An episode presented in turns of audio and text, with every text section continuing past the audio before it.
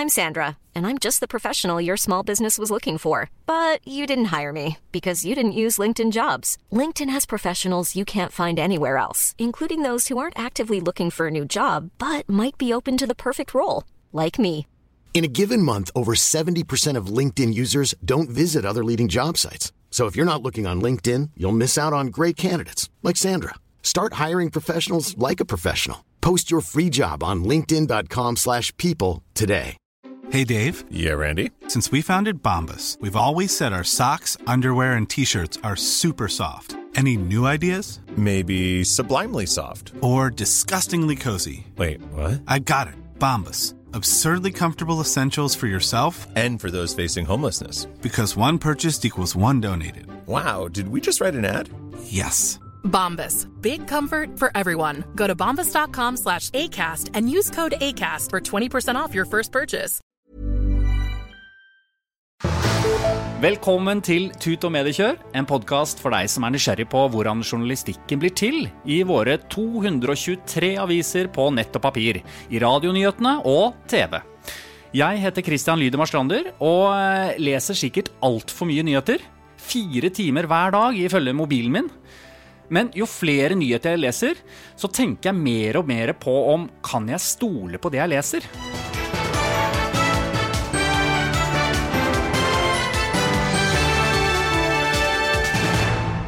Ofte så kan det virke som om det er et stort gap mellom de som lager nyhetene, og de som skal lese dem. Meg. Jeg skjønner f.eks. ikke hvorfor pressen anonymiserer den såkalte kulturprofilen. Han står jo nå tiltalt for voldtekt.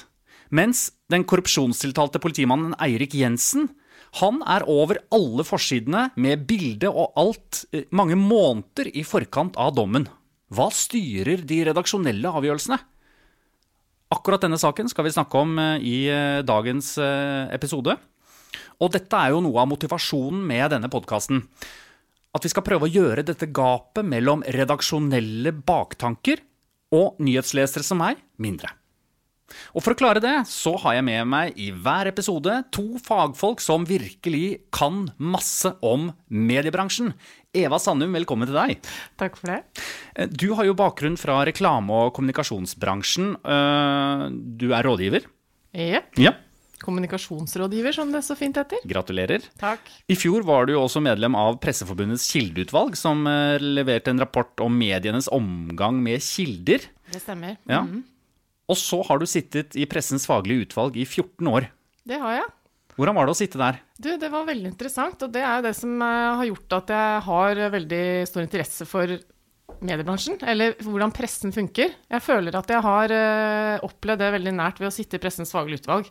Se hvordan, eh, hvordan de diskuterer presseetikk. og gjennom de årene jeg satt der og jobba med det månedlig gjennom året, så lærte jeg at det skjer mer en. i redaksjonene enn det jeg trodde. Ja. Av eh, etiske betraktninger og vurderinger, da.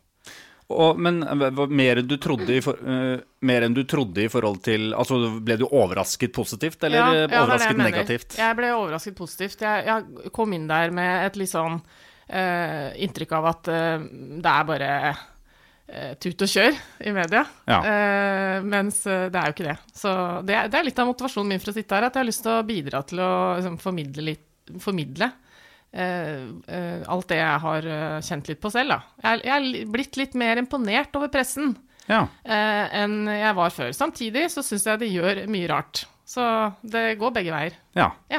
Um, og hvordan er det for deg å komme ut? Altså 14 år, nå er du ferdig. Ja, det er litt uh, fint at uh, jeg da kan mene litt mer, og sånn, sånn som vi kan sitte og holde på med her. Da. For at, uh, da jeg satt i PFU, så følte jeg jo at altså, det er veldig fare for å gjøre seg inhabil i saker hvis man mener noe i offentligheten om det som kan komme inn som klage. ikke sant? Så da kan man egentlig ikke være med i den offentlige debatten. Men nå kan du det. Nå kan jeg det. Det er det som er genialt. Eh, veldig bra at du er med, Eva Sandum. Det var jo du som ville at denne podkasten skulle hete nettopp Tut og mediekjør. Kan du ikke bare utdype det litt, for jeg er nemlig ganske, litt usikker. Du er litt usikker, ja? det virker litt sånn eh, Det var det første, første, den første ideen på blokka, Ja, jeg skjønner. og så kom vi oss aldri videre. Ja. Nei, altså eh, Det er med bakgrunn i at eh, det, det spørsmålet da, er det bare tut og kjør i medienes redaksjoner. Det syns jeg jo Jeg får litt inntrykk av at mange tenker det, ikke sant? Litt skeptiske til det de ser i avisene, spesielt klikksakene og overskriftene. Eh, Så, og på den andre siden så er det jo et kjør å bli utsatt for mediene. Eh, sånn at eh, det jeg tenker er at eh, Tut og Mediekjør representerer både eh, det gode og det dårlige av eh, pressen. Og så har vi jo også med Svein Tore Bergestuen. Hei, Svein Tore. Hei, hei. Du eh, ville jo at denne podkasten skulle hete Medias metode. Ja, Hvorfor det? eh, jeg, jeg er jo mer seriøs. eh, Det sånn hører jeg på stemmen din, bare. Sånn at eh, Nei, altså, jeg har jo alltid interessert meg for, for metode. Jeg har jobbet i mediebransjen i mange år, både som journalist og, og redaktør, men nå som rådgiver. Så metodebruk, hvordan jobber man fram både saker, hvordan intervjuer man, hvordan Ja. Rett og slett metodikken i det som blir gjort. Da. For hvis vi får kjennskap til den, så blir vi kanskje litt klokere på hvordan ting blir til.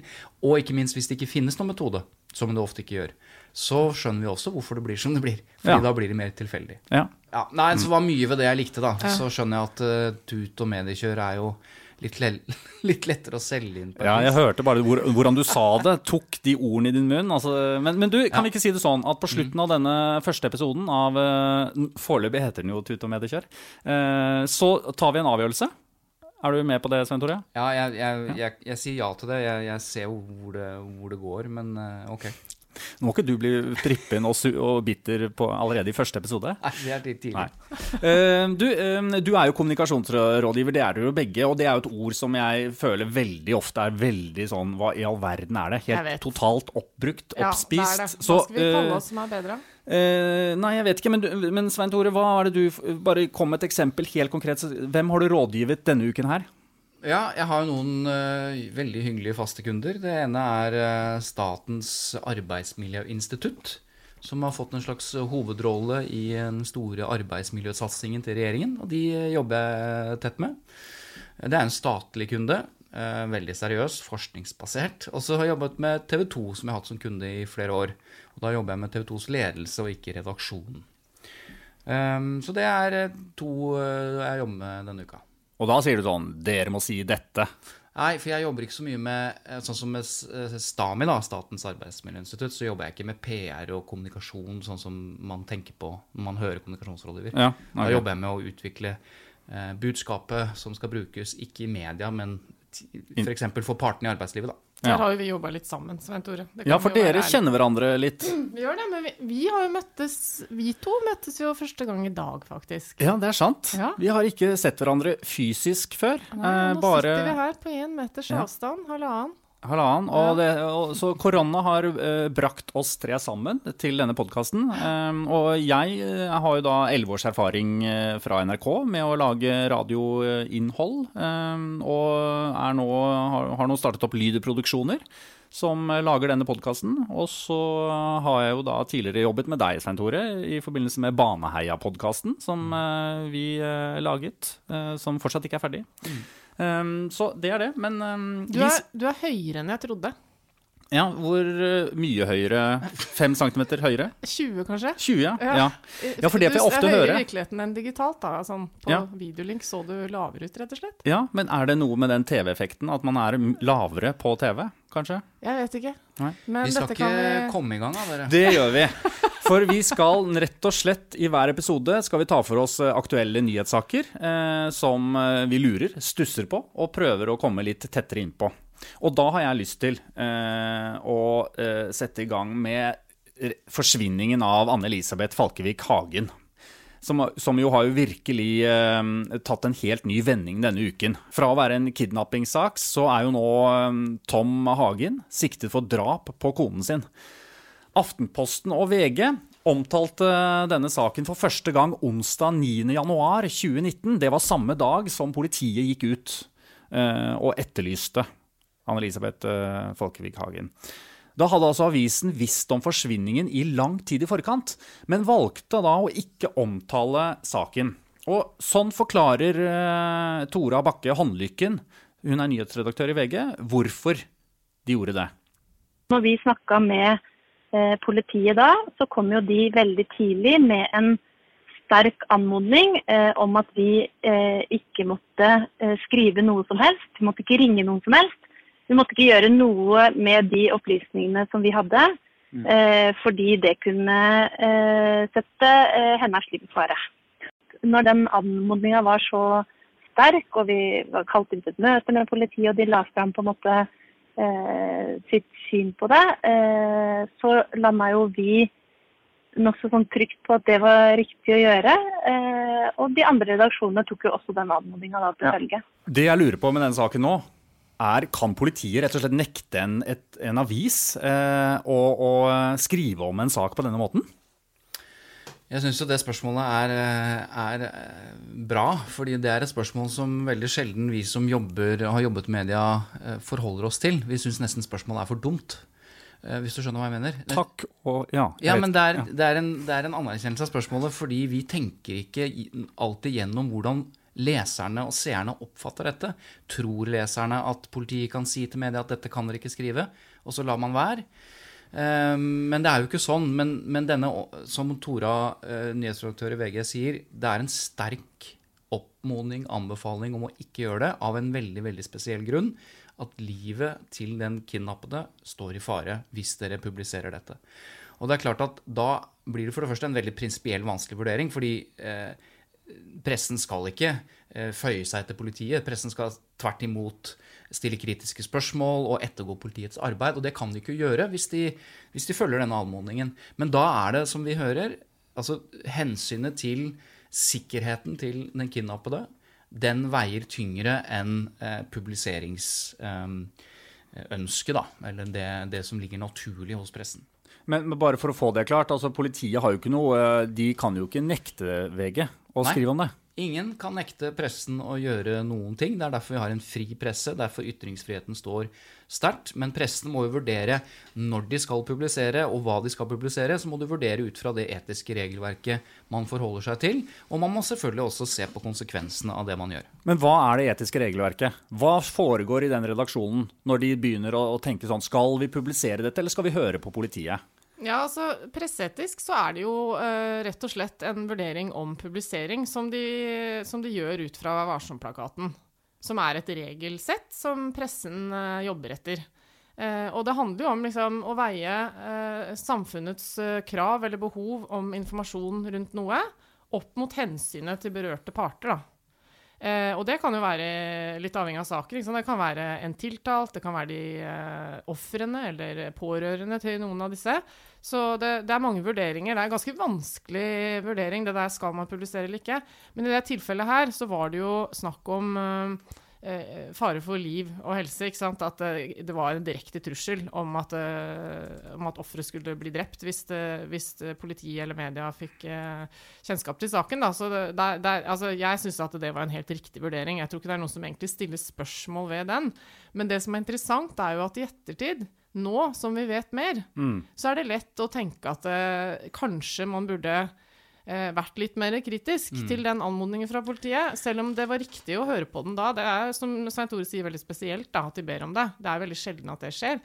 Men nå så vet man jo at eh, mannen eh, er tiltalt. Sikta. Nei, unnskyld, sikta. Og, og da kan man jo spørre seg hva om media hadde gått eh, ut og liksom etterforsket litt andre spor på et vis, da. Eh, sjekket ut? For det er jo det media skal være. Vaktbikkjer for eh, myndighetene. Gjør politiet jobben sin bra nok? Og vi har jo sett eksempler i ettertid. Det er ikke så lenge siden jeg så den Scandinavian Star. Eller, ikke sant? Den historien der viser jo at det, hmm, kanskje noen skulle gått litt politiet litt mer i sømmene da. Det er jo, dette er jo en sak som uh, for så vidt var vanskelig, prinsipiell, men som var en enkel avgjørelse. For det var fire medier som visste om denne forsvinningen. Ikke sant? Det Ja. var VG, Aftenposten, eh, Romerikes Blad og Dagens Næringsliv. Og, og alle fire ble anmodet om å eh, ikke publisere. Alle fire fulgte det. Snakker de med hverandre da, de forskjellige avisene? Så Ja, blir er enige sammen? Nei, de blir ikke enige sammen. De tar hver sin De vet jo om hverandre, Ja. antakeligvis. Og de vet eh, Nå har jeg snakket med nyhetsredaktøren både i Aftenposten, i VG og i NRK. NRK visste jo ikke om dette. Eh, Men de tar en avgjørelse som er på egen kjøl, eh, men det er naturlig at den ble som den ble. eh, For alle mediene. Nå eh, har jo eh, nyhetsredaktøren i Aftenposten, Tone Tveø Strøm Gundersen, i ettertid skrevet en kommentar hvor hun stiller nettopp det spørsmålet Gjorde vi riktig? Mm. Burde vi, hadde vi, som Eva sier, hadde vi publisert dette allikevel, så kunne vi kanskje Og, og poeng, noe av poenget med å publisere også, som kan være i både politiet og medienes interesse, er at folk får vite om det. Det kommer tips, man forstår mer. Så hun stiller spørsmål i en kommentarartikkel eh, i Aften, sin egen avis om det var riktig. Men så spurte jeg henne, da. Jeg tror jo ikke Aftenposten hadde tatt en annen avgjørelse. Jeg tror det var den eneste mulige avgjørelsen, selv om vi vet det vi vet i dag. For den gangen visste de bare det. Og jeg sa jeg tror ikke du hadde tatt en annen avgjørelse. Nei, det tror ikke jeg heller. Fordi eh, vi kan, vi kan heller ikke sette oss i en situasjon, akkurat som du sier, der det i ettertid ville blitt pekt på at dersom Aftenposten publiserte at vi var årsaken til at Mm. en kvinnetid gikk tapt. Det er jo også en uh, viktig ting å huske på med presseetiske avgjørelser. Da, at det- de tas jo med den informasjonen de har i øyeblikket. Det er alltid veldig lett å se tilbake. Uh, og sånn var det også når vi eh, vurderte saker i PFU, når det kom klager inn. For det er jo sånn Pressens faglige utvalg funker, at noen klager på noe, og så vurderer vi det ut ifra eh, hvor det er en, en dialog mellom klager og den, det mediet som er innklaget. da. Um, men man må alltid vurdere sånn så publiseringen ut, fordi dette var det vi visste i øyeblikket. Eh, og det er annerledes ikke sant? når de ikke visste noen ting om hvor denne dama var. Og jeg, jeg, jeg har tenkt litt på er det, Har det vært noe annet som kan sammenlignes med dette eh, i media? Og det er jo veldig uvanlig, men da han eh, eh, journalisten Pål Refsdal ble kidnappa eh, nede i, av Taliban Eh, dette var vel i 2009, tror jeg. Han satt fanga i en ukes tid mens de prøvde å få han frigitt. Da, da var det litt tilsvarende. Da ba eh, UD eh, og politiet mediene om å ikke omtale det. For det kunne rett og slett eh, være, altså, sette han i fare. Jeg snakket jo med etikkredaktør i eh, NRK, Per Arne Kalbakk, eh, også. Og han var jo på den, det tidspunktet ansvarlig. Han hadde arbeidsgiveransvar, eller oppdragsgiveransvar, for, for denne frilansen. Og han husker det veldig godt. Han forteller om hva slags vurdering de gjorde. For én ting var jo at NRK måtte, som alle andre medier, vurdere om de skulle omtale dette, selv om UD anmodet om ikke. Og så hadde NRK et dobbelt ansvar her, fordi de også hadde ansvaret for, eh, for denne journalisten. Ja, Vi tok et valg for egen del om å ikke omtale saken. eh, Men til andre redaksjoner som henvendte seg, så sa jeg at vi har fått opplyst fra UD at hans liv kan komme eh, i større fare om saken, saken omtales. Eh, Så vil jeg bare opplyse om det, og så får dere gjøre deres vurderinger av om dere mener det er riktig eller ikke, og også snakke med UD om det. Så det var den måten Det er jo selvfølgelig en mildest talt vanskelig, vanskelig dobbeltrolle å sitte i som redaktør, men men også med et arbeidsgiver-oppdragsgiveransvar. Eh, Men det var, det var sånn vi valgte å løse den gangen. Pål Refsdal takka jo også mediene da han ble frigitt, for at de hadde hørt på det rådet. Mm. Det Kalbakk her sier, er at de har både et arbeidsgiveransvar og et selvstendig ansvar som redaktører. Og de tar den samme avgjørelsen som alle andre redaksjonelt, at de ikke, ikke omtaler det, med fare for at det kan få konsekvenser for hans liv. Men han sier ikke som arbeidsgiver til VG og Dagbladet som ringer at dere bør ikke eller må ikke skrive om dette. Det er ikke noen sånn innstendig oppfordring til det. Den oppfordringen kommer fra UD, mens han sier at dette er det vi har fått beskjed om, dette er det vi gjør, og så får dere eh, gjøre det dere vil. Og sånn snakker jo en erfaren redaktør, fordi han skal ikke legge seg opp i de redaksjonelle beslutningene til andre aviser. Så han bare han gjør det skillet, da, og det syns jeg for så vidt er interessant. Men akkurat Jeg tror ikke det er, altså Når, når en journalist blir kidnappa, så tror jeg det er ganske sånn kjent også at det, det er veldig ødeleggende hvis det kommer ut. Det kan være Ja. en del av det som setter eh, personen i fare. da. Eh, Det har jo vært en annen podkast som jeg hørte på nylig også fra NRK om disse to svenske journalistene som ble kidnappa. Ja. Alt blir jo hemmeliggjort. Veldig hemmelig. spennende. Ja. Eh, ja, det er sant. Men ja, fordi dette handler jo nettopp om måte, hvor kan uh, Hvor går grensen mellom uh, den, den avisen som jeg sitter og leser, når jeg da vet at det kan være masse saker som finnes der ute som de ikke uttaler og snakker om og omtaler, fordi de har inngått avtaleraktig da, med politiet, med kongehuset. Altså det er mer statlige instanser. da. Jeg syns jo det er litt sånn herre For min del, da, så jeg, mister jeg litt mer troverdighet til, eh, til avisen. For jeg vet jo ikke hva de unnlater å fortelle meg. Er ikke det litt problematisk? Nei, jeg mener ikke det. Jeg mener at du tvert imot, når du får vite at det er mye som mediene lar være å publisere, så tror jeg man skal Man kan i hvert fall innta en annen holdning, nemlig at det var betryggende å vite at det gjøres en seriøs både redaksjonell og etisk, og i dette tilfellet en vurdering knyttet til liv og helse, eh, før de spyr ut alt. Det er jo forskjell på et redaktørstyrt, ansvarlig medium og et medium som, la oss si Resett, da. Som ikke har, jobber etter de samme reglene. Det er nesten ikke grense hva som kan komme på trykk. Og det gjør at jeg er trygg på at, de, eh, at det faktisk foregår en redaksjonell vurdering. Og husk på at størstedelen av kritikken mot media handler jo om hva de faktisk publiserer, naturligvis. Ja, ja. Og da kan det være greit for en redaktør å minne om du skulle sett alt vi lot være å publisere. Mm. Så jeg syns det er betryggende at det foregår den type uh, vurderinger. Så kan man selvfølgelig være uenig i den vurderingen, da. Ja, ja. Vi må huske på at eh, altså, Norge er verdens mest pressefrie land. Vi ble faktisk nylig kåra til det for et par uker siden igjen. Og Gratulerer, alle sammen. Ja, men det betyr jo at ingen kan nekte pressen noen ting. Altså, det, I vårt land så er pressen mest fri i hele, av, hele verden, da, eh, verdenspressen, til å gå makten i sømmene, være vaktbikkje for alt mulig. Så, så det i utgangspunktet er, betyr jo at de kan gjøre akkurat som de vil, egentlig. De kan publisere alt. Og når du spør da uh, fins det masse sånne avtaler og sånn, så tror jeg jeg er litt enig med Svein Tore at det handler jo mest om at de faktisk tar en del hensyn. Men det som jeg syns er litt uh, interessant, og som jeg har merket at uh, folk flest kanskje ikke vet nok om, da, det er jo det at eh, man kan jo kreve at mediene ikke skal uh, omtale ditt og datt og sånn hvis man inngår en dialog med en journalist. Hvis man er i en vanskelig situasjon, ikke sant? og man godtar at ja, dette har kanskje offentlighetens interesse, det er greit at dere intervjuer meg nå, og jeg skal snakke litt om dette, men da har jeg følgende krav, f.eks. Så er jo det en forhandlingssituasjon som journalisten må vurdere eh, om, eh, om eh, man skal gå inn i eller ikke, da. Eller godta. Så, Ja, så- krav, hva er eksempler på det?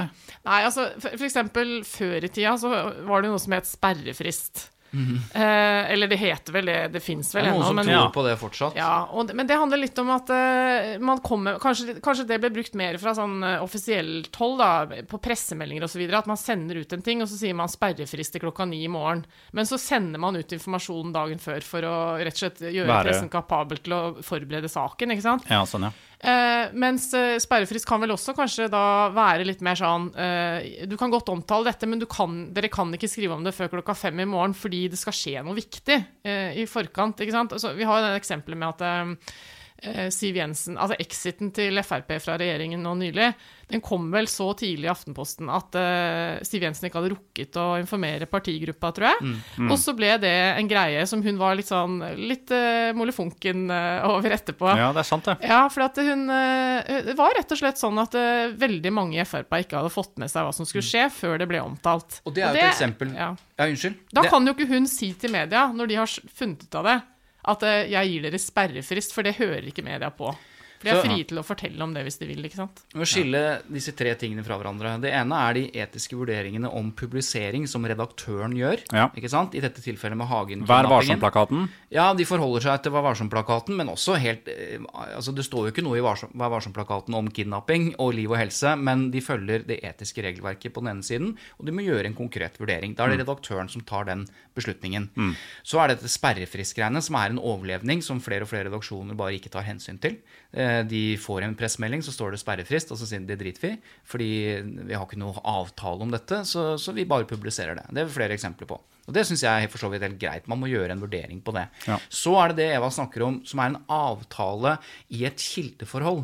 Altså jeg er en kilde, du er en journalist, og så sier jeg at dette har ikke jeg lyst til at dere skal skrive om. Jo, men hør nå her, dette er viktig, osv. Så, videre, så kan du være med på det. Kan vi ta en bakgrunnssamtale? Og så blir man, inngår man en samtale og et kildeforhold, utvikler det, og da kan man jo Journalisten og kilden må jo da finne ut av hva er det, hvordan kan de bli enige om eh, å jobbe med denne saken og publisere dette, hvor flere hensyn da ivaretas.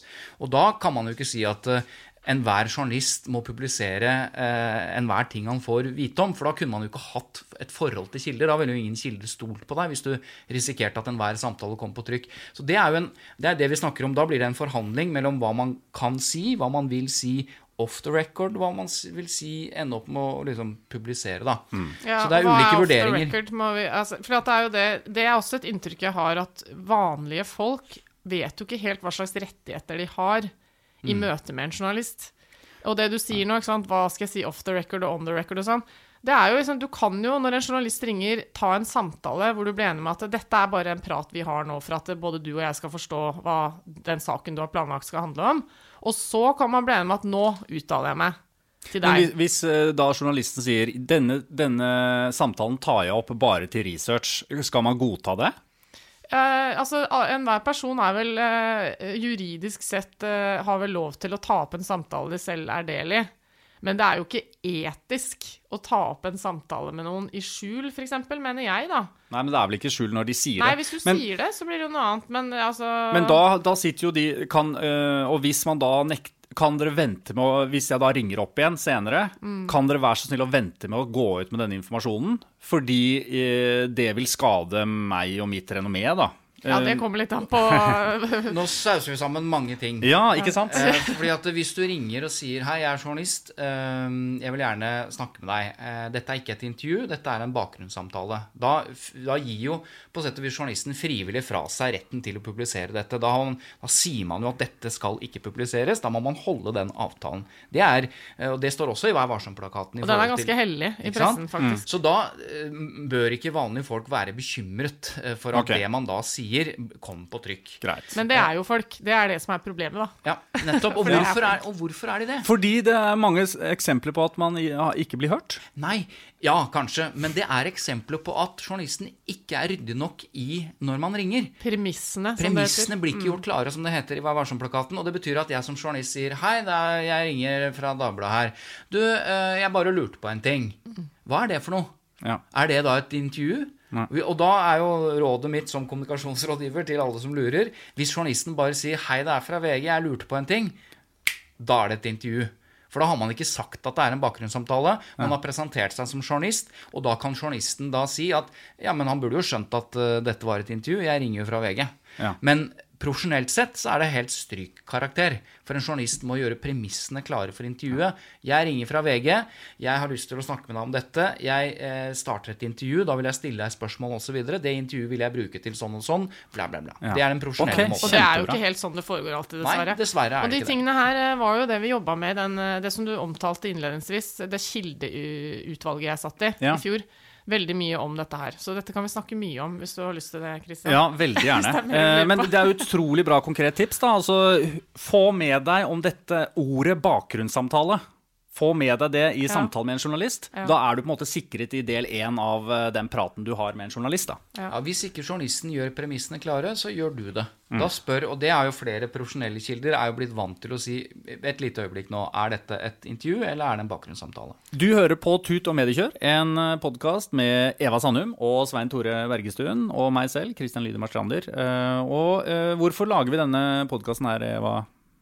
Nei, Vi lager den vel fordi uh, mange ganger så skjønner vi ikke helt hva uh, som foregår i medienes redaksjoner. Og har lyst til å forstå litt mer hva de har tenkt uh, bak det vi ser på nettet når de har lagd saker. Og hvilke saker de ikke lager, og hvorfor de ikke lager sakene, som vi nå har snakket litt om. Men det er en annen sak som, som går inn i det samme temaet, og det er denne kulturprofilen som nå er tiltalt for voldtekter på flere damer. Og han er nå av hele Medie-Norge Vi ser ikke noe bilder av han. Alle bildene av han er sensurert. Og navn. Og navn. Vet dere hvem det er, forresten? Mm. Si det, da. Eva? Nei, da kommer vi jo til å Da Da kommer denne podkasten til å fly. Men Ja, men- det skal vi ikke gjøre. Nei, nei fordi at uh, Det er uetisk. Det er uetisk. Og det er jo ne kanskje nettopp det, det det handler om, da. Fordi hvordan vurderer en redaksjon om man skal uh, vise bilde av en tiltalt person eller ikke? Eller navn, da. Eller navn. Ja. ja. Eh, altså, identifisering i pressen må begrunnes eh, med et berettiget informasjonsbehov. Det vil si at utgangs... Hva betyr det? Nei, altså, i utgangspunktet så skal man være varsom med å identifisere folk i media. Når det handler om noe klanderverdig. Ja, eller klanderverdig. Klanderverdig, ja. Eh, som er da mer enn straffbart. Liksom. Det kan være varsler videre. Som ikke Mm. er, handler om juridiske ting alltid. Eh, eh, sånn at eh, hvis man skal eh, identifisere, så er det fordi at det er et behov i samfunnet for å vite hvem personen er. Og det kan være flere ting. Eh, det kan jo f.eks. være at det er overhengende fare for nye overgrep, sånne ting. Det kan være fare for gjentagelse i kriminelle handlinger. Det kan være at den samfunnsrollen som vedkommende har, er såpass eh, offentlig at eh, det, folk fortjener å høre hva som har skjedd. Ja, fordi Altså- det er jo sånn, eh, En annen sak er jo Eirik Jensen. Han, har jo, på en måte, han er jo også bare tiltalt altså I forkant av at han fikk eh, dommen sin, så var det jo på en måte fra dag én så visst, var jo bildet på alle aviser, navn, alt, ikke sant? Han er en offentlig tjenestemann. Det her Ja. spiller nok eh, en rolle her. Okay. Ja, og det, og det er jo en sak som eh, altså man, Når man snakker om offentlig interesse Den saken, Erik Jensen-saken, altså den, liksom den største korrupsjonssaken i norsk politisk Ikke politisk, men politihistorie. Det har en enorm interesse og et, et informasjonsbehov som er veldig sterkt. Så det blir en helt annen uh, vurdering, der man kan si at kulturprofilen har ikke blitt identifisert av de vanlige grunnene. At man skal være varsom, at man må, som Eva sier, ha et berettiget Det må være en grunn til å identifisere han. Mens Erik Jensen så er det et veldig god grunn til å identifisere. Eh, så, så det er to veldig forskjellige saker. Men jeg vet ikke om eh, noen husker saken mot Julio, eh, Julio Kopseng. Han Jeg husker. Ble, sant? Han ble jo dømt for Det er den strengeste voldtektsdommen i Norge. 21 års forvaring for å ha voldtatt 18 kvinner pluss en hel del voldtektsforsøk. Han var jo heller ikke kjent. Han hadde ikke noen samfunnsposisjon eller noe, noe sant, offentlig tjenestemann. Man kan sammenligne litt eh, kulturprofilen, som er kjent innenfor sitt miljø, og, og Julie Kopseng, som var kjent innenfor sitt miljø. Men grunnen til at man da identifiserte Nettavisen skrev bl.a. en begrunnelse for det. Jo, det handlet jo at Julie Kopseng det han var jo fare for gjentagelse. De mente at kvinner burde være obs på denne mannen. Eh, I tillegg så kunne det finnes mange andre kvinner som kunne ha blitt utsatt for voldtekt, som jo da ved en identifisering kunne si ah, det er den samme som jeg har blitt eh, voldtatt av, f.eks. Det var deres begrunnelse. Så kan det finnes andre begrunnelser, da. Så, så, så det at den kulturprofilen ikke nå blir identifisert, er eh, en, på en måte en sånn eh, Det er ikke fare for gjentagelse? Jeg synes det er eh, Altså, spørsmålet ditt er veldig bra. Det er ikke noe lett å forstå den avgjørelsen der opp mot andre ting. Ikke sant? Man har jo lest side opp og side ned i månedsvis om Trond Giske. Ok, han er en, en ledende politiker i Arbeiderpartiet, så det gir mening. Men samtidig, det eh, handlet jo om varsler. Som ikke egentlig var på vei til rettssystemet engang. Eh, Så eh, man kan jo si at man, man også på den måten kan bli litt forsvarsløs, ikke sant? Fordi at man blir identifisert eh, i omtalen av en sånn sak, mens, eh, mens man eh, aldri skal få det prøvet for en domstol, så man har liksom ikke muligheten til å forsvare seg, egentlig. Man, det blir jo en slags gapestokk, i verste fall, da. Samtidig så må man jo være pragmatisk her, fordi at det å la være å identifisere noe som åpenbart alle vet og vil kjenne til, f.eks. Trond Giske, det ville ikke vært mulig uansett hva slags eh, etisk vurdering man gjorde i redaksjonen på å ikke identifisere en nestleder i Arbeiderpartiet, hadde vært helt umulig.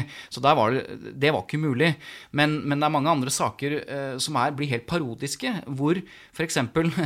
eh, tre redaksjoner velger å identifisere. Ja, mens en annen redaksjon, f.eks. NRK, har Ja. opplevd å sitte i Dagsnytt 18, i radiostudiet Dagsnytt 18, hvor eh, tre stykker som sitter i studio, sier, eh, eller omtaler vedkommende med navn, mens programlederen eh, nekter å gjøre det, eller kan ikke gjøre det, Ja, for, for, for NRK ting. har ikke tatt den Nei. vurderingen. Så da blir det jo også helt parodisk. Ja, sånne ting er veldig vanskelig, men bare til sammenligning med Giske-saken, han ordføreren i Vågå, han Ja. Rune Øygard, Ja. Han tror jeg først ble identifisert da han selv i en pressemelding eh, altså anerkjente at han var eh, anklaget for noe. Ja. Okay. Og gikk av fra vervene sine. Så det er ikke så lett å skjønne. Eh, Når er det det er Og da hadde og, når pressen, er det ikke er det? De hadde visst om han og den saken lenge i forkant, og valgte å ikke Eller vet du det? Ja, det tror jeg. Ja, de, jeg vis, de visste om Ja.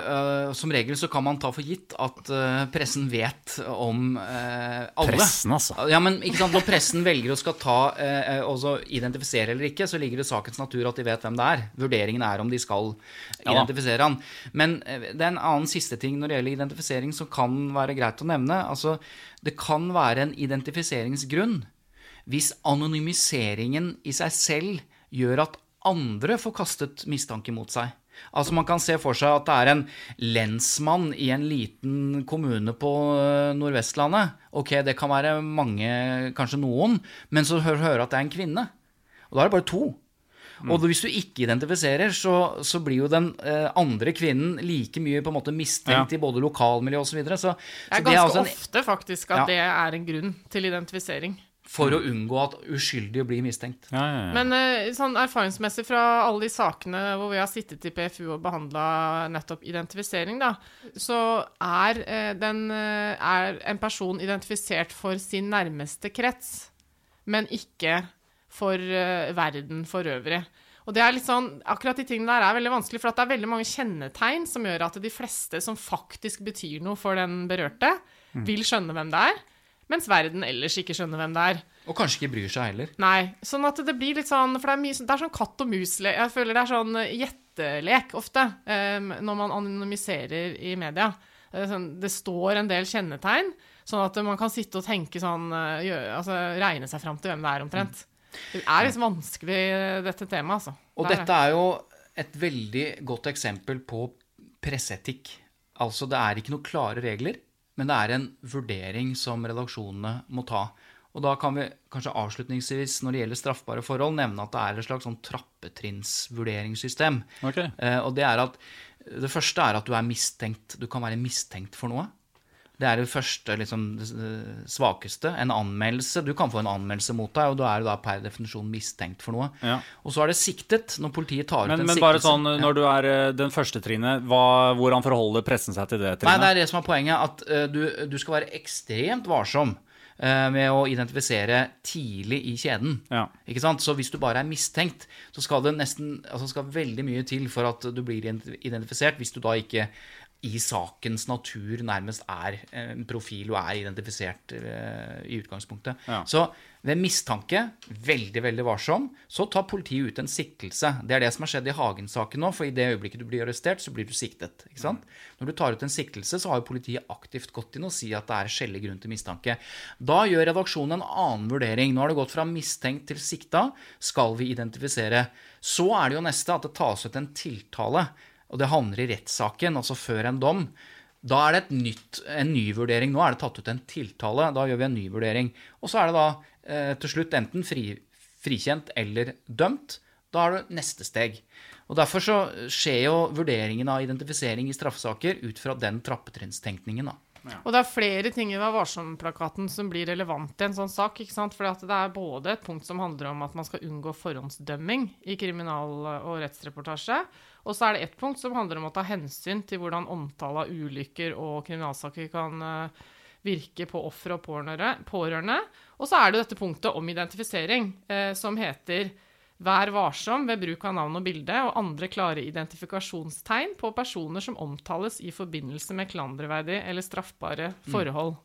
Det er det Men det du, heter. Se og Hør har jo veldig ofte sånn bilder av folk som får fartsbøter og sånn. Ja, det er mye Den, greier som eh, er eh, Ja. da, da bryter de Ja, Nei, ikke nødvendigvis. Vær varsom-plakaten. Nei, for i Vær varsom-plakaten så står det ikke at du ikke skal identifisere kjendiser som har mista førerkort. Jeg har eh, til sakens eh, opplysning. Har du- Hatt bilde i Se og Hør. Ja. Eh, det er hvit skrift på svart bakgrunn. Da vet du at da har du gjort noe galt. Da er det ulovlig. Jeg ble omtalt eh, med navn og bilde fordi jeg mistet førerkortet. Ja. Og de brøt ikke noe presseetiske eh, hensyn. Eh, de kunne sagt at vi har, vi har vært varsom med identifisering, men vi har kommet fram til at dette En kjendis er et eh, Da var jeg det, da, for mange, mange år siden. Ydmykt. i fall Ydmykt. Nå er du ydmyk og fin, Svein I Se og Hørs betydning av ordet D-kjendis. Det var nok.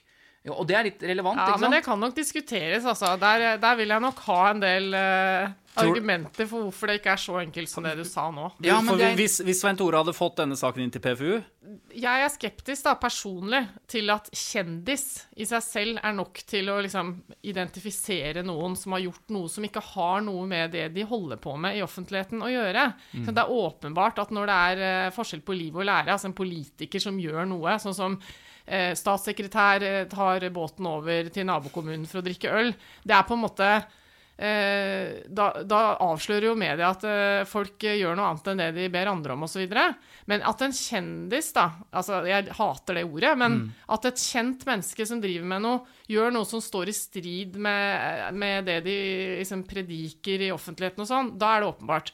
Men at en eller annen person får bot eh, Det er jeg skeptisk til, faktisk. Ja, men det, er en, det, er blitt, det har nok blitt en presedens, fordi at uh, Men det klages ikke så mye vet du, på Nei, sånne det- ting, for folk veit ikke hva at, de skal at man skal forvente. klage, men, Nei. men det er Jo. mulig å klage på det, og da, Ja, hadde, man, da hadde man fått uh, medhold. Nei, det kan ikke jeg si.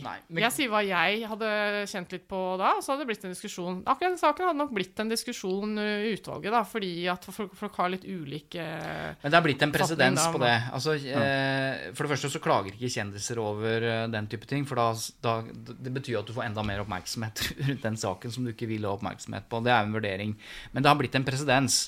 Men Eva Sandum, altså, du er jo et glimrende eksempel eh, på, eh, på en person som har fått bilder av seg i pressen. Litt sånn eh, Som har skapt mye opp, Som skapte mye oppstyr.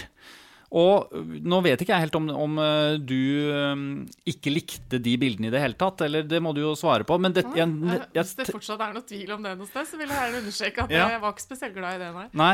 Kanskje vi for lytterne bør fortelle Ja. noe om hvorfor eh, det var tatt bilder av eh, Eva Sandum, som er medlem av denne jeg, podkasten. Har du lyst til å prøve? Ja, vil du prøve, Svein Tore? Ja. Ja, vær så god. Fordi for veldig mange er Eva Sandum, som sitter ved vår side i denne podkasten, kjent som hun som ble sammen med kronprinsen av Spania. Og hele neste episode skal ha- handle om det forholdet. Et portrettintervju. Ja. Og derfor har Eva eh, Nei førstehånd kjennskap til, eh, og fikk det tidlig, til pressens eh, håndtering av kjendiser. Både, Ja. Ja, både altså- publisering, men også i høyeste grad eh, metodene, altså pressens metoder før publisering. Hun ble jo jaktet på, jeg fulgte dette fra sidelinjen, ble jo jaktet på av spesielt internasjonale journalister, Mm. men også norske journalister, fordi hun, de forsto at hun var da kjæreste med eh, prins, kronprins hva, Philip? Ja, Filipe. Filipe. Men du det kalte blir han Filla? Meg, altså. Men, så, og vi har ikke tenkt å komme med en episode med, denne, med dette portrettintervjuet, som du antyda nå. Men eh, ja, ikke sant, det stemmer. Og det var nok bakgrunnen for at jeg havna rundt bordet i Pressens faglige utvalg. fordi at det, PFU er jo en selvdømmeordning som pressen har satt opp for å evaluere seg selv. Og så tar de inn representanter fra den såkalte allmennheten. Eh, Så jeg representerte jo bare folk flest, egentlig, da, i det utvalget. Men bakgrunnen for at jeg ble invitert inn dit, var nok min erfaring med media. Ja. Så, og, og den altså- var eh, fem-seks år lang, og føltes som et helt liv da. Mm. Fordi Ja, at for- eh, du lurte altså- lurte på om jeg syntes det var gøy, men det var det ikke. Nei, ikke sant. Og, men bare sånn, eh, fordi bildet, bildene det var snakk om her, var jo deg i en uh, veldig utringet kjole i kronprinsens bryllup. Nå må du gi deg. Bildene det var snakk om, det mest spesielle bildet Dette er det mest kjente bildet, at Ja. hun har en kjole på seg i bryllupet til kronprinsparet. Ja. Men eh, det som var Og det var jo ikke, eh, så vidt jeg forstår, så veldig ubehagelig. Det som var ubehagelig, var at de jaktet på henne til og fra treningssenter, til og fra jobb, til og fra overalt. Det var jo det som var Ja, i mange år før det. Ja. ja, Mm. Så dette bildet med den blå kjolen har jo blitt bare det peneste bildet de fant av den kommende dronningen av Spania. Ja. Antagelig. Prøvde du å få, få dem til å ikke trykke bilder av deg? Altså, hvor, hvor aktivt måtte du jobbe for å, for å anonymiseres, da. Ja, det, Nå skal jeg ta det spørsmålet ditt og bruke det til noe som egentlig er relevant for denne podkasten. For det, det som jeg føler nå i ettertid rundt det, er at jeg visste veldig lite om presseetikk på det Mm. tidspunktet. Så jeg følte meg uh, fullstendig maktesløs. Og jeg ante ikke hva som var etisk riktig og, i- av det jeg ble utsatt for, og hvilke rettigheter jeg hadde. Eh, så noen, noen ting skjedde som var åpenbare overtramp. Så følte jeg også at eh, hva skal jeg gjøre nå? Skal jeg gå til en advokat? Jeg har jo ikke penger til det. Hvordan skal dette foregå? Og så videre. Jeg bare følte meg helt sånn. Så, så det har gitt meg en motivasjon da etterpå til å, til å la, altså prøve å bidra til at flere skal skjønne litt mer av dette her. Mm. Ikke fordi de skal liksom, bli utsatt eh, for fem-seks år med forfølgelse, men jeg bare tenker at det er en fordel at folk vet hvordan dette her fungerer, da. Vi har en annen representant i Pressens faglige utvalg i dag, i dagens utvalg, som jo har noe av den eh, ikke samme erfaringen, men, eh, men samme opplevelsen av media, og det er jo Erik Schenker. Mm. Som jo var den ambulansesjåføren Ja, i gryn, på Grünerløkka som først ble fremstilt som en halvrasistisk pøbel av en ambulansesjåfør som bare stakk av fra en, fra en uh, trengende mann som var sjuk. Uh, og dette er det skrevet masse om, og det er dokumentarer osv. Men han uh, er jo også nå i Pressens faglige utvalg som allmennhetens representant. Og det er jo også litt av den samme bakgrunn. Han har en erfaring med media. Og det er interessant å sitte og høre på hans resonnementer når man følger Pressens faglige utvalg, for det kan man gjøre. Man kan se på strømming av det. Og det er interessant å høre Erik Schenker som først blir pre presentert som en halvrasistisk idiot, Mm. og så sitter han og lekser opp, nærmest. Eh, har satt seg inn i presseetikk, diskuterer presseetikk med svært erfarne redaktører. Og det er veldig interessant, da, fordi det sier jo litt om denne eh, selvdømmeordningen som Eva har vært en del av, som hun beskriver, at, at her er det allmennheten med erfaring fra pressen som bryter meninger med redaktører, og så kommer de fram til et felles resultat. resultat. Du hører på Tut og mediekjør, en podkast sammen med Eva Sandum og Svein Tore Bergestuen og meg selv, Christian Lyder Marstrander, hvor vi prøver rett og slett å få å skjønne litt mer om hvordan redaksjonene jobber og vurderer vanskelige eh, journalistiske spørsmål. F.eks.: Når skal man identifisere en person med bilde og navn? Eh, eller når skal man omtale en sak eller ikke? Um, men nå, uh, det er en annen ting som jeg har lyst til å ta opp uh, på slutten her, og det er um, For jeg har sett en del småsaker om at pressen er litt misfornøyd om dagen i forbindelse med koronaviruset. Eva Sandum, hva handler dette om? Ja, uh, fordi offentlighetsloven er jo et sterkt prinsipp i pressen. Hva, hva slags lov er det, Svein Tore Bergstuen? Det er en lov om rett til innsyn i dokumenter i offentlige virksomheter. Nettopp. Og det som er, eh, det som er eh, pressens frustrasjon nå i koronatiden, er jo det at eh, de opplever å ikke få den informasjonen som de trenger for å kunne rapportere til oss folk om hva som skjer. For På eksempel? Sykehusene, eh, pasientbakgrunn på de som dør, og de som blir innlagt. Bakenforliggende sykdommer. Informasjon som de gjerne skulle hatt, ikke for å liksom grafse i personskjebner, men mer for å kunne sette opp og drive med den journalistikken som f.eks. VG har gjort veldig bra nå i koronatider. Det er veldig mye informasjon på, på, hos avisene om situasjonen i koronatiden. Og så har det vært mye altså De endte jo opp med at Presseforbundet og Pressens offentlighetsutvalg, som det heter, da, som hele tiden jobber for at pressen skal ha innsyn eh, i samfunnet. Eh, De måtte jo sende et brev til statsministerens kontor hvor de faktisk klagde over dette. At de eh, altså det var mangelfull informasjon f.eks. fra helseinstitusjoner. og sånn. For har, Det har jo vært unntakstilstand overalt. Og det er jo arbeidskrevende eh, å, å skulle gi pressen masse data og informasjon hele tiden, og folk løper rundt i gangene, og, og det er krise på sykehusene også. Men, eh, men det er også viktig, ikke sant, ifølge pressen, da, at de må kunne rapportere for å se om det er ting som er klanderverdig eller ikke foregår som det burde, osv. Innsyn er jo viktig, og det er tidskrevende å få tall og informasjon fra sykehuser. Ja, ja det, må jo være det, det må jo være veldig avgjørende for å kunne lage sanne saker og, Ja. og etterforske og ettersøke hva samfunnet driver med. Og som et relevant apropos til det, så ble jo SKU-prisen eh, delt ut eh, forrige uke. SKU-prisen er liksom den mest høythengende journalistprisen. Står for Stiftelsen for kritisk og undersøkende presse. Deler ut da pris. VG vant den prisen med saken 'Helsereformens konsekvenser', som er veldig relevant til det Eva snakker Ja. om i dag. fordi Gratulerer, det- VG, forresten. Gratulerer til VG, for det handlet jo nettopp om å søke innsyn i eh, dokumenter og begrunnelser, eh, pasientlister osv. Det handlet bl.a. om eldgamle mennesker som var på sine siste dager, som ble lempet ut av sykehusene, kjørt hjem midt på natta, eh, fordi sykehusene eh, Motivet for det skal jo være at sykehusene skal ha færre liggedøgn, da. Og dette krevde mange måneder med nitid arbeid for journalistene, hvor de søker innsyn i dokumenter? Hos ambulansetjenesten osv. Når kjørte de ut på natta? Hvor mange menneske, gamle mennesker ble kjørt ut på natta osv.? Dette er jo det offentlighetsloven regulerer. Offentlighetsloven handler jo om sant? Eh, all tradisjonell forvaltning, departementer, kommuner, fylkeskommuner. Det har de som hører på nå, rett til å vite. Vi kan se hva var det som ble sendt mellom det og det departementet. Innsyn. Dette er kjempeviktig, ligger i kjernen av pressens oppgave. Og hvis det blir vanskelig, så får ikke leserne og seerne å vite det de trenger å vite. Og redaksjonene får ikke Scoop-prisen. Nei, det kan du si. Nei, men jeg leste den eh, metoderapporten eh, for den saken fra VG, og det er jo imponerende ikke sant, å se hvor mye arbeid som kan ligge bak enkelte saker, da. Min tese er at den relativt lave tilliten folk har til journalister og presse, ville blitt mye høyere hvis vanlige folk hadde lest det som nå Eva sa, metoderapporten. Ja. Det er altså når VG eh, melder opp en sak til Scoop, så leverer de en metoderapport, altså en beskrivelse av hvordan de har jobbet med den saken. Ja. Det, hvis folk hadde forstått og sett, har fått innsyn i hvor knallhardt journalistene jobber med enkelte saker, ikke alle, og der ligger problemet. Men folk orker ikke å lese sånne Nei, nei, ting. men det er vi bare kan en jo prøve- Vi kan jo i hvert fall prøve å forklare litt av det, vi, og bidra litt. Det, det er jo litt sånn for nerdene, det, da. Altså, Ja, det for det. de som, det blir som å lese filmmanus, kjøpe filmmanuset til din best yndlingsfilm. Eller å Eh, følge PFU-møtet, liksom. Ja, Eh, rent Selv om det bortsett ligger fra ute. at resultatet av det, altså når folk forstår Hvis folk tror at journalistene bare er sensasjonshungrige, som vi skal diskutere i mange episoder i denne podkasten Hvis de tror det, så får de lav tillit til mediene. Hvis de får innsyn og forstår hvor ekstremt viktig den journalistiske oppgaven er, og hvor mye jobb det er, så er det klart at tilliten ville økt. Så er spørsmålet hvordan få det til, da.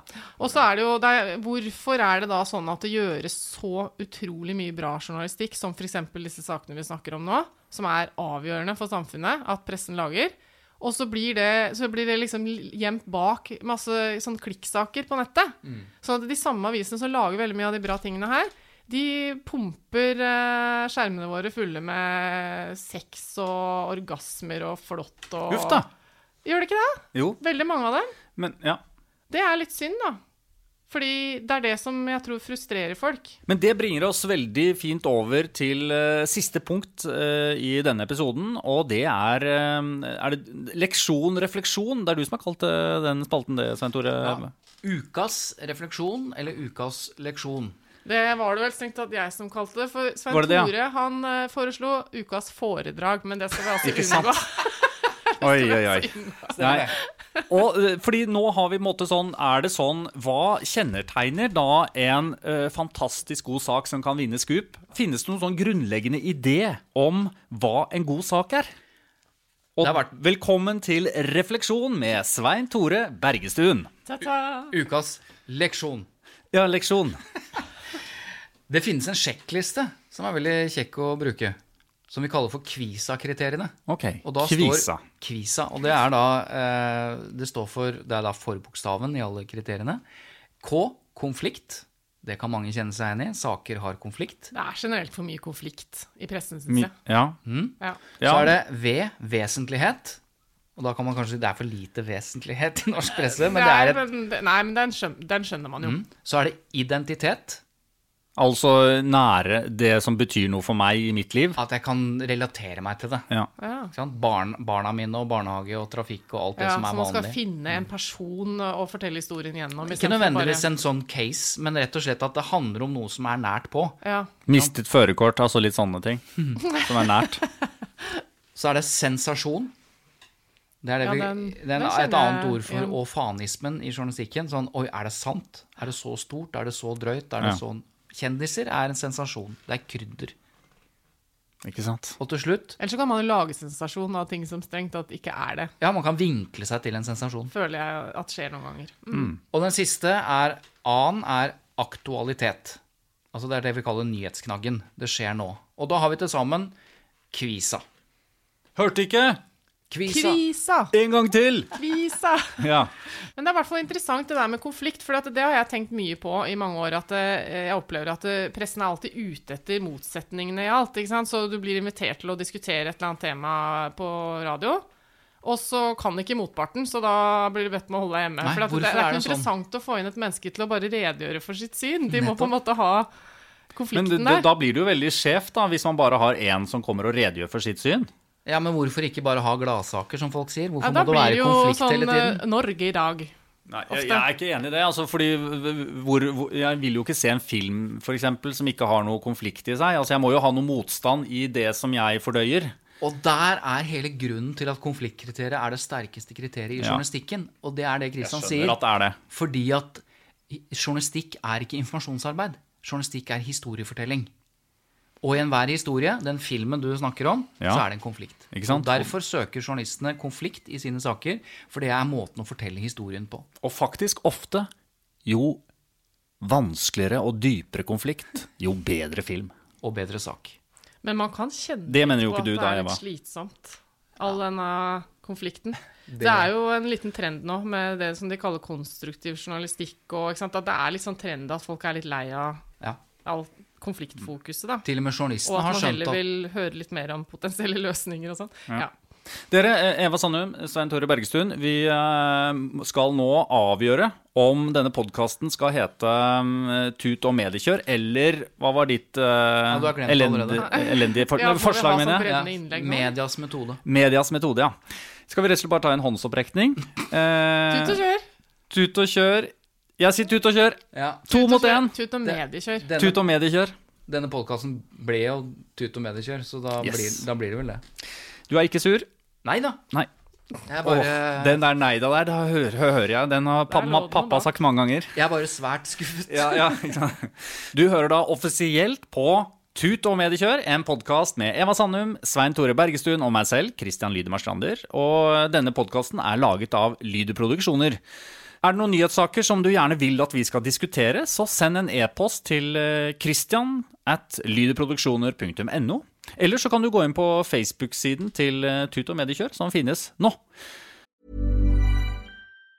If you thought the only way to get a more defined jawline with natural looking results was through surgery, think again. Juvederm Volux XC is a non surgical injectable gel filler that improves moderate to severe loss of jawline definition and can help you achieve natural looking results with little downtime. Even better, this improved definition lasts up to one year with optimal treatment. No maintenance required. Improve jawline definition for a smooth, sculpted look with Juvederm Volux XC. For important safety information and to find a licensed specialist, visit juvederm.com. That's J U V E D E R M.com. Not for people with severe allergic reactions, allergies to lidocaine, or the proteins used in Juvederm. Common side effects include injection site redness, swelling, pain, tenderness, firmness, lumps, bumps, bruising, discoloration, or itching. There's a risk of unintentional injection into a blood vessel, which can cause vision abnormalities, blindness, stroke, temporary scabs, or scarring. Talk to a licensed specialist to find out if it's right for you. I'm Sandra, and I'm just the professional your small business was looking for. But you didn't hire me because you didn't use LinkedIn jobs. LinkedIn has professionals you can't find anywhere else, including those who aren't actively looking for a new job but might be open to the perfect role, like me. In a given month, over 70% of LinkedIn users don't visit other leading job sites. So if you're not looking on LinkedIn, you'll miss out on great candidates like Sandra. Start hiring professionals like a professional. Post your free job on linkedin.com/people slash people today. Spennende. Spennende. Kanskje vi skal også legge ut hvis det er noen linker til de Det sakene gjøre vi har snakket om. Det gjør vi. Veldig Lenker godt forslag. det, ja. Uh, Så det, da gjør eh, jeg det, da. Jeg har allerede gjort det. Bravo, Svein Tore. Du tar tak, altså. Tar tak. Um, og så er Neste fredag er vi tilbake igjen. Hva skal du snakke om da, Eva Sandum? Ja, altså i denne refleksjonen jeg skal ha. Ja, Du- da skal tenkte du ha refleksjon. Ja, nettopp. Jeg tenkte jeg skulle snakke om content marketing, eller innholdsmarkedsføring som det heter på norsk. Altså skillet mellom journalistikk og reklame, og hvor rørete det til tider kan være. For folk som leser VG eller Dagbladet, de ser jo saker som ser helt like ut, eh, vanlige journalistiske saker, og så viser det seg at det er såkalt annonsørinnhold. Nå, nå må ikke du begynne episoden nå, for dette er, det, alt dette er neste episode. Kan vi ikke bare lage den med en gang, da? Nei, fordi det kommer masse saker til uken nå som vi må også diskutere.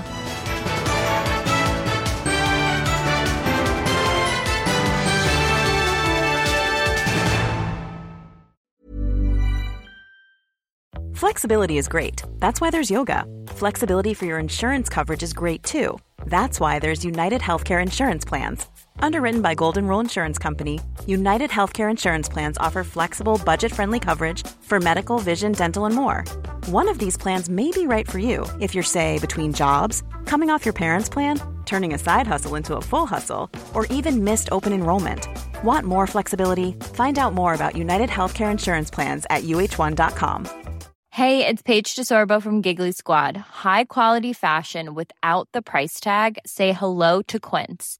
I'm snagging high-end essentials like cozy cashmere sweaters, sleek leather jackets, fine jewelry, and so much more. With Quince being 50 to 80% less than similar brands. And they partner with factories that prioritize safe, ethical, and responsible manufacturing. I love that.